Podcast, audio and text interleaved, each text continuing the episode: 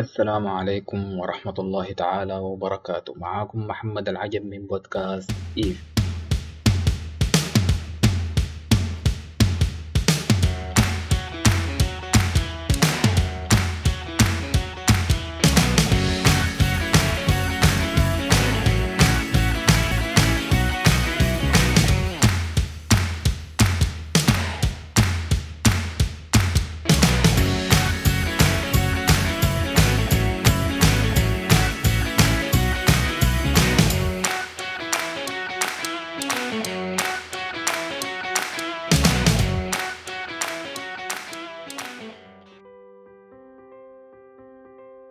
بودكاست إيف بنقدم فيه محتوى عن التسويق الرقمي وريادة الأعمال وقصص نجاح لكل المهتمين بالبزنس والتسويق الرقمي.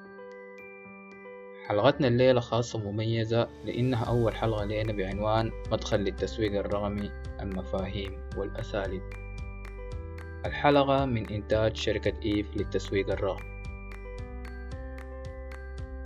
التسويق الرقمي من أكثر الكلمات المنتشرة في الفترة الأخيرة. وده بسبب التأثير الكبير للمجال وإنه حسن مجال الأعمال ولقى أساليب جديدة عشان يوصل رسائل كتير من الشركات التسويقية لمتابعينهم وزبائنهم المحتملين.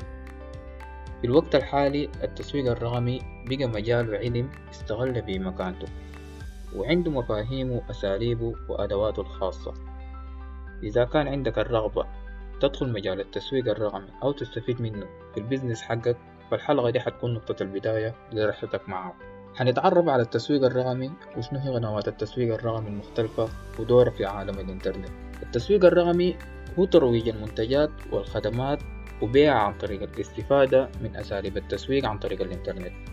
زي التسويق عن طريق وسائل التواصل الاجتماعي والتسويق عن طريق محركات البحث والتسويق عن طريق البريد الإلكتروني وغيرها والأمثلة كثيرة. التسويق الرقمي معني بفهم سلوك الزبائن الحاليين والمحتملين. وشنو هي رغباتهم؟ وين بتواجدوا وشنو هي الطريقة الأفضل عشان أقدر أروج لمنتجي؟ وشنو هي الرسالة التسويقية الأفضل عشان أعرض عليه؟ وعنده أدواته وأساليبه الخاصة. من نواحي كثيرة التسويق الرقمي ما بيختلف عن التسويق التقليدي. بتسعى المؤسسات والشركات الحديثة والاثنين مع بعض عشان يطوروا علاقة متبادلة للفائدة مع العملاء المتوقعين والعملاء غير المتوقعين.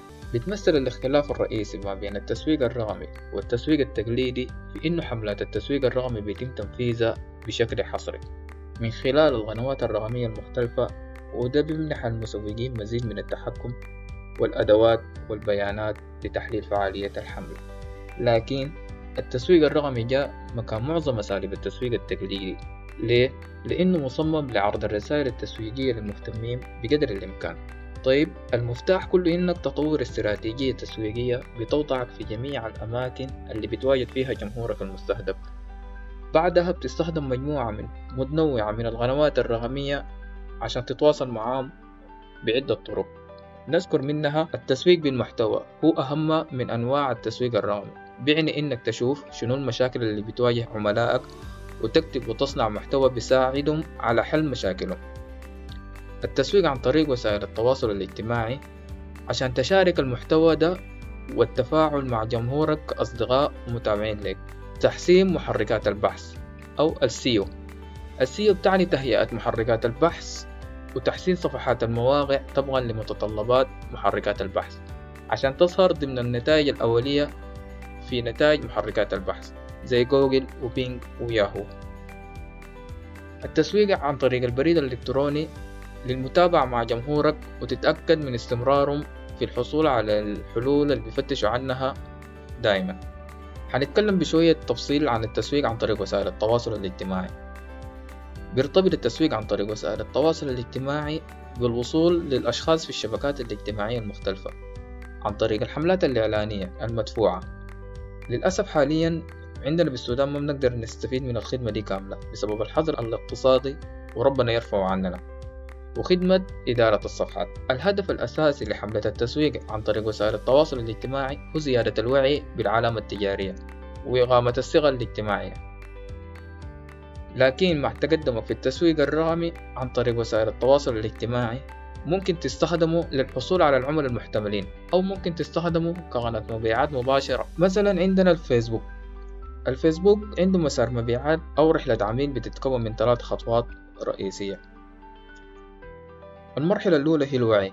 هنا أنت بتستخدم المحتوى بتاعك عشان تقدم علامتك التجارية للمستخدمين وهدفك في المرحلة دي هو عرض علامتك التجارية قدام أكبر عدد ممكن من الناس وإنك تكسب متابعين جداد. الخطوة الثانية هي لفت الانتباه.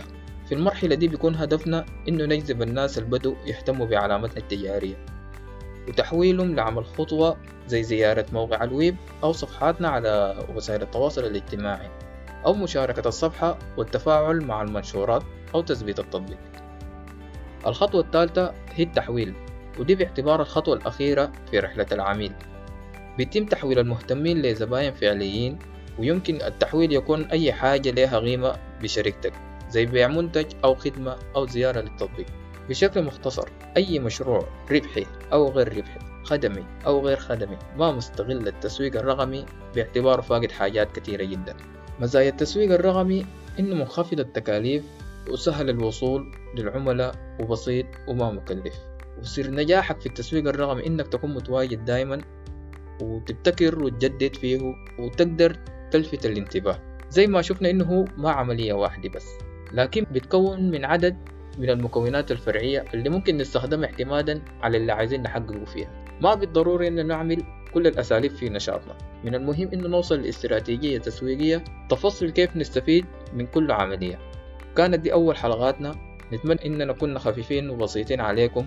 ما تنسوا تشاركونا وتدونا آراءكم ومقترحاتكم.